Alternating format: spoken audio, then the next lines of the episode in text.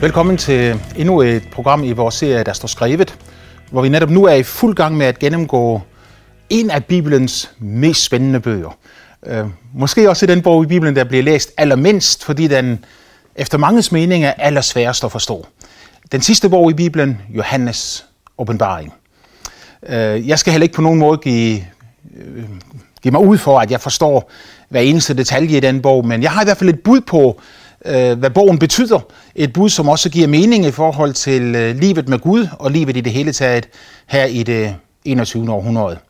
Vi har i de tidligere programmer set på, hvordan at øh, i det første kapitel, der får Johannes en mægtig åbenbaring af Jesus som den herliggjorte, hvor han ser ham ikke som et menneske, men han ser ham i hans guddomsherlighed og pragt.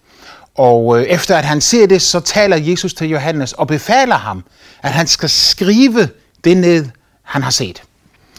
Således er Johannes åbenbaring altså ikke en bog, der er opstået af et menneskes vilje, men det er en bog, som er kommet, fordi Gud selv har givet en befaling til et menneske om at skrive. Og Jesus sagde til Johannes, at han skulle skrive tre ting. Det han havde set, det som var nu, og det som skulle ske bagefter. Det som siden skal ske. Det som var nu, øh, det han havde set, det var det, som vi læste i det første kapitel. Øh, nemlig åbenbaringen af den herliggjorte Jesus og detaljerne omkring, hvordan Johannes han modtog sin åbenbaring, mens han var i landflygtighed på øen Patmos. Det som er nu, øh, tror vi, tror jeg, betyder menighedens tidsalder. Altså den tidsperiode, der går fra Jesus vandrede på jorden og døde på et kors, og bagefter opstod fra de døde igen, for til himmel, satte sig ved faderens højre hånd, hvorfra han skal komme og dømme levende og døde. Og vi venter på, at denne Jesus skal komme tilbage igen, og at han endnu engang skal bryde ind i historien, og så vise sig i al sin majestæt, skønhed, herlighed og pragt. Og tidsperioden fra han forlod jorden, og så indtil han kommer tilbage igen, i hvert fald for at hente sin menighed, det er den tid, vi kalder menighedens tidsalder, eller menighedens tidsperiode. Jeg tror, at i det andet og i det tredje kapitel, hvor Jesus han giver øh, Johannes en befaling om at skrive disse syv sendebreve til syv menigheder i Lille Asien. At disse syv sendebreve, de dækker over syv tidsperioder, syv, syv epoker eller syv tilstande i menighedens historie.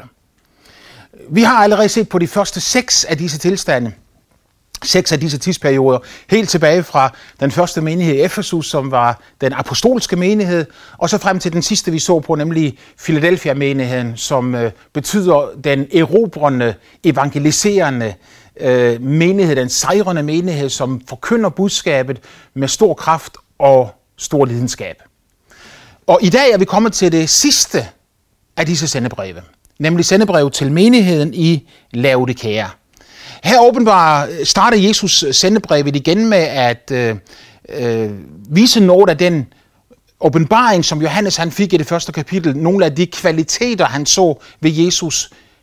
Den måde præsenterer Jesus sig på i begyndelsen af sendebrevet til menigheden i Laodikea. Og han siger, så siger han, som er ammen, det troværdige og sandru vidne, Guds skaberværks ophav. Den måde præsenterer han sig på. Og så sætter han ligesom tonen også ind over hele det sendebrev og den øh, kirketilstand, som han adresserer i dette sendebrev. Amen øh, betyder, det står fast, eller det skal ske. Øh, det er ligesom det bibelske ord for de ting, som er urokkelige. Det, det siger han, som er amen. Han er, han var, og han kommer. Den han var, og den han er, og den han vil blive, er den samme. Hos ham findes der ingen forandring eller skygge, der kommer og går. Han skifter ikke mening fra tidsalder til tidsalder. Han skifter ikke mening fra det ene århundrede til det næste århundrede. Sandhed er evig, og sandhed er evig gyldig. Det er det, det betyder, når han siger, han er amen. Og det interessante er selvfølgelig, at når han præsenterer sig på den måde for menigheden i Laodikea, så er det fordi, de har brug for at høre det at øh, det han sagde en gang, det står han stadig for, øh, stadig for. Det han gjorde en gang, det gør han stadigvæk.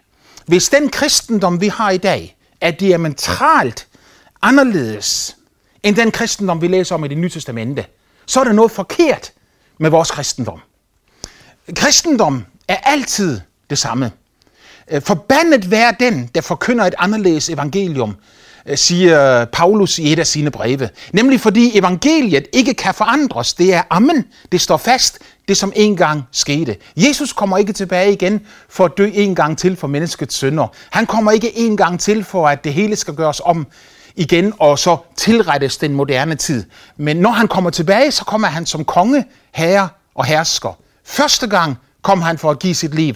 Når han kommer næste gang, kommer han som hersker. Han siger, han er amen. Og når han så også siger, at han er det troværdige og sandro vidne, Guds skaberværks ophav, så ligger han jo netop deri, at øh, man kan stole på alt, hvad han har sagt, og at han stadigvæk har magt og myndighed til at lægge bag ved sine ord. Jeg synes jo personligt, at det er noget af det, som er det vildt geniale og fantastiske og enestående ved evangeliet og det kristne budskab. At evangeliet forkyndes aldrig nogensinde i ord alene. Hvis det forkyndes i ord alene, så mangler der den del, som er den del, der er i stand til at forvandle mennesker gennemgribende indefra og ud. Evangeliet forkyndes i ord, men det forkyndes også i kraft. Det betyder, at der, hvor mennesker lukker op for Bibelens budskab, der kommer Helligånden og Guds kraft ind og manifesterer sig selv ind i et menneskes liv og ind i et menneskes omstændigheder. Han siger, jeg er Guds skaberværks ophav. Så han gør det helt klart, når han taler til menigheden i Laodikea, at også i denne tidsepoke, eller i den tilstand, som menigheden har i denne tid, der er han stadigvæk Guds skaberværks ophav. Han er i stand til at gøre det umulige. Intet er umuligt for ham. Han er alt køds Gud, og han kan gøre lige nøjagtigt, hvad han vil. Han kan svare på dine bønder. Han kan give dig et mirakel. Han kan give dig et under. Han kan forvandle dit liv indefra ud. Han kan også forvandle dit læme. Han kan helbrede de syge. Han kan gøre lige nøjagtigt det, han får lov til at gøre ind i det enkelte menneskes situation. Jeg mener jo, det er utroligt dejligt, at man netop får sådan et budskab i begyndelsen af dette sendebrev. For hvis jeg skal give en overskrift over sendebrevet til menigheden i Laodikea, Johannes evangelium, det 3. kapitel fra det 14. til det 22. vers. Skal jeg give en overskrift over det, så må overskriften være den lunkne menighed. Eller den frafaldende menighed. Jeg ved ikke, hvordan det lyder i dit øre, men det er næsten som om, øh, man kalder noget lys, som i virkeligheden er mørke. Og Jesus han siger jo, at hvis det lys, som er i dig, er mørke, hvor stort bliver så ikke mørket. Øh, kirken, evangeliet, Jesus, har simpelthen svaret på et hvert menneskes grundlæggende problem. Han elsker mennesket så højt, han elsker dig så højt, at han ønsker bare at få lov til at komme til i dit liv og forvandle dig og røre ved dig. Det er det budskab, kirken skulle forkynde igennem alle tider. Men her i menigheden i Laodikea møder vi pludselig en menighed, som ikke længere har brand i deres hjerter, som er lunkne, og som har placeret Jesus uden for døren, og så lavet deres egen kirke i den kirke, hvor Jesus han egentlig hørte til. Øh, jeg ved ikke, om du nogensinde har hørt den historie, men det var i apartheid-tidens øh, Afrika, hvor der var en øh, afrikaner, som stod uden for en kirke, og der fik han ikke lov til at komme ind, fordi hans hudfarve ikke var den rigtige. Kun hvide mennesker var tilladt at komme ind i den kirke. Og han stod udenfor og var meget ulykkelig og, og, og, og så modig over, at han ikke måtte komme ind. Så kommer Jesus gående forbi og siger til ham, øh, hvad er der i vejen, min ven? Og så siger han til ham, jeg kan ikke få lov til at komme ind i kirken. Hvor til Jesus svarede, øh, det skal du ikke være ked af, jeg har ikke fået lov til at komme ind i mange år. Hvor er det trist, når Jesus er blevet sat uden for sin egen kirke. Den kirke, som bærer hans navn, den kristne kirke efter Kristus. Og han ikke får lov til at være der længere, og hans ord bliver fordrejet og forvansket. Det er en tragisk tilstand. Og det er den tilstand, du læser om her i sendebrevet til menigheden i Laodikea. Jeg kender dine gerninger, siger Jesus. Du er hverken kold eller varm. Gid du var kold eller varm. Derfor, fordi du er lunken, og hverken varm eller kold har jeg i sinde at spy dig ud af min mund. Øhm, jeg er glad for det, det er Jesus, der siger det her, fordi jeg synes, de ord de er så stærke, at jeg har vanskeligt ved at tage dem i min mund. At Jesus han siger, at det er så ulækkert, når menigheden bliver så lunken, at han simpelthen ikke kan holde den ud længere. Han har lyst til at kaste op eller han har lyst til at brække sig, øh, som en moderne bibeloversættelse siger det. Jeg kan ikke holde dig ud. Lunkenhed er i hans øjne noget af det værste, en kristen kan komme ind i. Måske den bedste måde at forklare det her på, det er at sige, at øh, Gud er kærlighed, og at øh, Jesu forhold til hans menighed altid skal være et kærlighedsforhold. Jeg ved ikke, om du har hørt om nogen, der elsker med en lunken kærlighed. Øh, mennesker, som ikke rigtig ved, om de elsker eller ikke elsker. Kærligheden er i sin natur en brændende, lidenskabelig magt, som der, hvor den virkelig eksisterer, kommer den ind og overtager et menneske så fuldt ud. Jesus han siger, at større kærlighed har ingen, end den at lægge livet ned for sine venner. Det var, hvad han selv gjorde. Han ønsker ikke en lunken kærlighed, ikke en kold kærlighed, men han ønsker en varm kærlighed og et varmt kærlighedsforhold. Og han siger, når det ikke eksisterer, så kan jeg ikke holde det ud længere. Ingen ønsker at spille anden violin. Ingen ønsker at stå som nummer to eller tre i rækken. Men vi ønsker alle sammen at blive elsket fuldt, og så selv give den samme kærlighed tilbage igen. Fordi du siger, og nu beskriver Jesus, hvordan lunkenhed består i. Fordi du siger, jeg er rig, jeg har vundet rigdom og trænger ikke til noget, og ikke ved, at netop du er elendig og yngværdig, fattig, blind og nøgen. Altså siger han, at her var der en menighed, der sagde, vi er rige, vi trænger ikke til noget, vi har ikke brug for noget. Vi har alt, hvad vi har brug for, og det ville jo være fantastisk, hvis de virkelig havde det. Men når mennesker søger Guds rige og søger Guds kraft og søger forvandling, og får serveret noget, der er helt anderledes, diametralt modsat, og ikke bliver hjulpet, men måske ovenikøbet bliver vejledt til at fortsætte med at leve et liv, som ikke er, er i overensstemmelse med skriften, med Guds ord. Fordi de siger, vi har den fulde sandhed, og vi behøver ikke at vende os til en gammel bog, gamle myter, eller hvad de nu vælger at kalde det. Jesus siger, det er der i lunkenheden består. Et hovmod, et overmod, et udtryk for, at man har noget, som man i virkeligheden ikke har. Øh, et sted så siger Jesus jo, at Gud giver ikke stene i stedet for brød. Men det er netop, hvad man gør, når man serverer ting for mennesker, som ikke forvandler dem til at blive lige Gud, forvandler mennesker til at ligne Gud mere og mere, øh, blive afspejlet i hans hellighed og kommer til at ligne ham mere, men hvor man vejleder mennesket på en sådan måde, at det ikke bevæger sig videre fremad ind i de ting, som hører Guds rige til. Derfor råder jeg det til, siger Jesus, for Jesus han har altså også en løsning på det. Han siger, selv om man lever i en kirketilstand, hvor Guds åbenbaring er ikke eksisterende, hvor kærligheden er, er lunken, og hvor man i stedet for at undervise eller forkynde ud fra Bibelen, øh, så tager en eller anden roman, eller whatever man nu finder ud af at tale om, eller fortælle mennesker, eller klappe mennesker på skuldrene, og så sige, at Gud er en god Gud, og, og ikke tale det ord, som kan forvandle mennesker. Når som helst det sker, så kommer Jesus med et råd, og så siger han, her er der mulighed for forandring. Derfor råder jeg dig til, hos mig, siger han, at købe. Og så nævner han tre ting. For jeg nævner de tre ting, så lad mig lige øh, henlede din opmærksomhed på de to ting her, at Jesus han siger, at du skal komme til ham. Jesus er altså den eneste, der virkelig kan forvandle mennesker. Der er ikke anden mellemmand mellem Gud og mennesket end mennesket Jesus Kristus.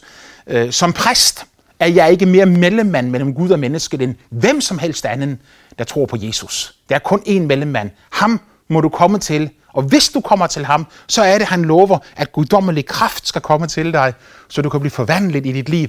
At de ting, som ikke har Guds velbehag, de ting, som ødelægger dig indefra, spiser dig op indefra, at det kan få lov til at komme ud af dit liv, og du i stedet for kan få lov til at opleve hos Jesus en livsforvandlende kraft. Han råder dig til at komme til sig, og så siger han at købe. Så han siger, at der er en pris at betale. Du er nødt til at investere et eller andet i Guds rige, hvis du vil have noget ud af Guds rige. Mennesker, som kun tænker på, på Gud og kun lever med Gud, øh, en time om søndagen, eller tre kvarter, eller hvor lang tid en gudstjeneste nu tager, og ellers aldrig nogensinde har Gud med i nogen som helst ting. Det er også mennesker, som ikke er i stand til virkelig at opleve den kraft og den velsignelse, der kommer fra Gud. Jeg vil gerne møde en kvinde, som er tilfreds med, at øh, den mand, der siger, at han elsker hende af hele sit hjerte, og han har en brændende lidenskabelig kærlighed til hende, at han kun er interesseret i at tilbringe en, en halv time eller en time med hende hver uge. Den holder ikke. Så Jesus han siger, at du er nødt til at investere din tid, din energi og dine kræfter, hvis du virkelig vil have ham, hvis du virkelig vil opleve hans godhed og nærvær, så vil han også komme til dig. Tre ting råder han dig til at købe hos sig. Han siger for det første, guld, ludret i ild, så du kan blive rig. Netop fordi han siger til menigheden i Laodikea, at dit problem det er, at du siger, du er rig, men du har ingen øh, kraft. Du siger, at du har noget, men det eneste, du har, det er en stor mund og store ord. Men han siger, hos mig kan du købe guld, lutret i ild.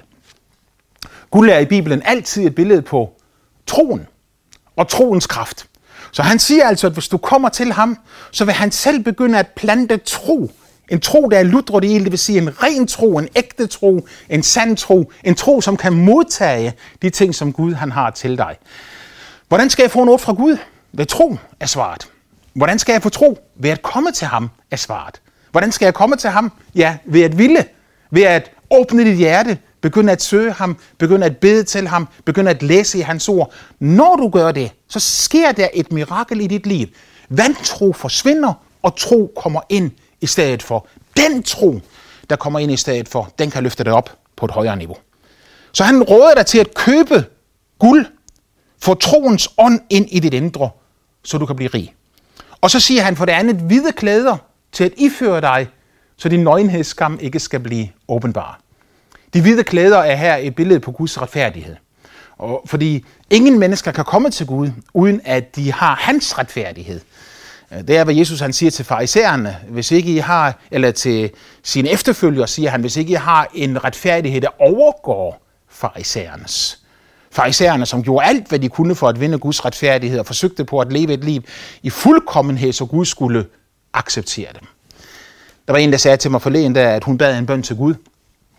Og så sagde hun til Gud, øh, hun bad om, om, om en helt konkret ting. Faktisk var hun på ferie, og hun bad om en billig og god lejlighed, hun kunne bo i, mens hun var på ferie. Og så siger hun til Gud, Gud, giv mig, som du synes, jeg har fortjent. Faktisk så fik hun i løbet af nogle få minutter en fantastisk ferielejlighed til halvdelen af den pris, som hun havde budgetteret med. Så det var jo et mirakel i sig selv. Øhm, det er så mere et udtryk for Guds godhed, end at Gud han svarer direkte på den bøn og give, som hun havde fortjent. Gud giver aldrig mennesker, hvad de har fortjent. Medmindre vi ønsker at få det. Gud giver os, hvad vi ikke har fortjent. Vi er ikke rene, vi er ikke retfærdige. Øh, vi er, har synd i vores liv, vi har skam i vores liv, vi har svigtet, og vi har fejlet. Men Gud giver os ikke, som vi har fortjent. Han iklæder os en retfærdighed, der er lige så stor som Jesus. Vide, klæder at iføre dig, så din nøgenhedsskam ikke skal blive åbenbar. Den retfærdighed kommer til et hvert menneske, som inviterer Jesus ind som herre i sit eget liv. Når man gør det, så er det gamle forbi, og noget nyt er blevet til. Det gamle, som er forbi, det er den gamle skidende klædning, beskidte, snavsede klædning, der er borte, og så er vi iklædt en helt fantastisk retfærdighed i stedet for, nemlig Guds egen. Og endelig siger han til kirken, den frafaldende kirke, den lunkne kirke, jeg giver dig det råd, siger han så, at du hos mig køber øjensalve til at salve dine øjne med, så du kan se.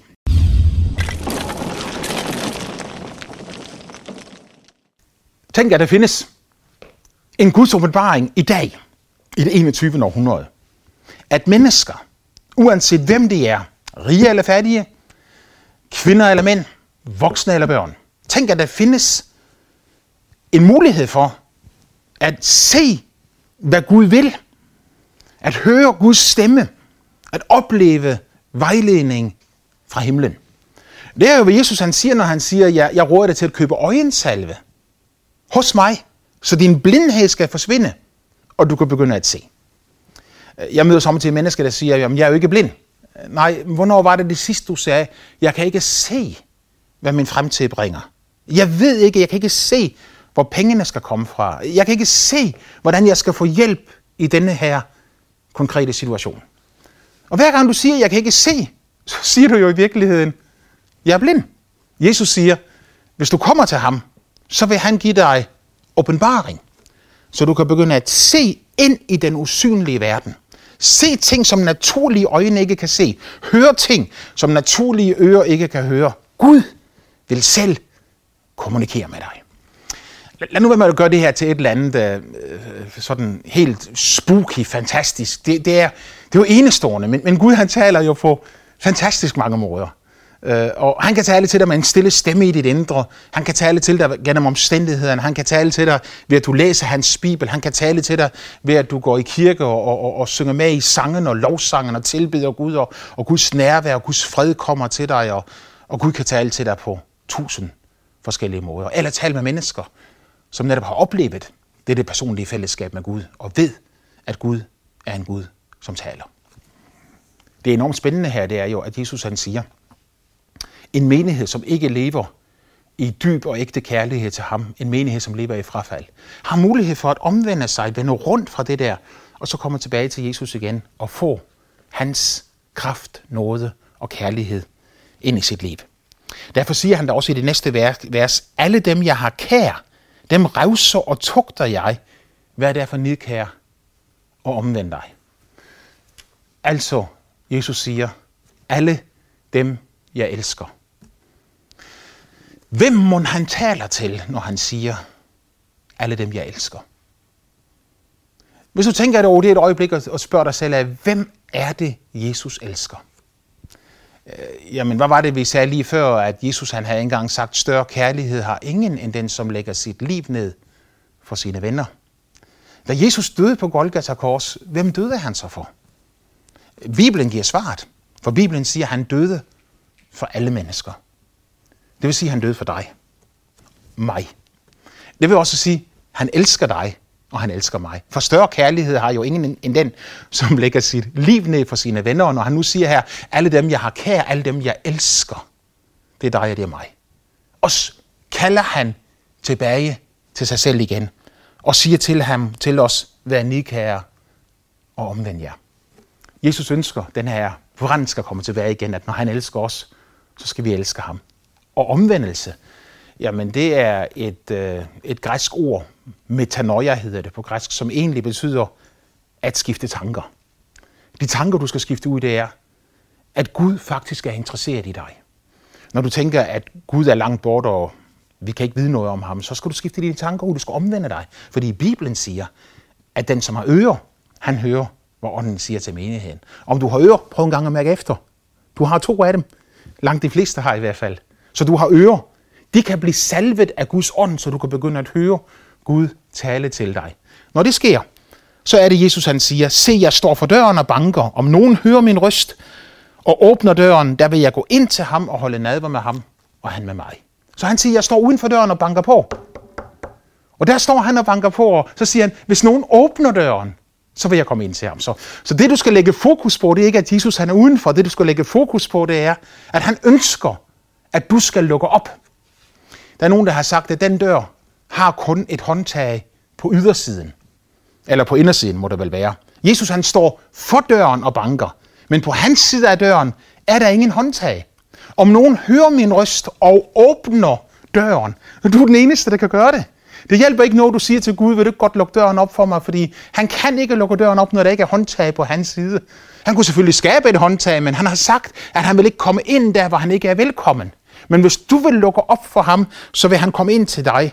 Og Bibelen siger her, at han vil komme ind og spise sammen med dig. Det vil sige, at han vil have fællesskab med dig, kommunikation, han ønsker at tale til dig, og han ønsker at vise dig, hvem han er.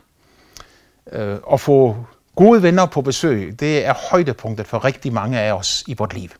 Vi elsker det, når vi har en aftale, en middagsaftale, en kaffeaftale med rigtig gode venner eller rigtig god familie. Her tilbyder Jesus dig at få sådan en aftale med sig selv. Og siger, hvis du ønsker det, så kan du lukke op for mig, og så vil jeg komme ind til dig. En hver, som råber på ham, søger ham, længes efter ham, ønsker han at komme til. Den der sejrer, slutter han af med at sige.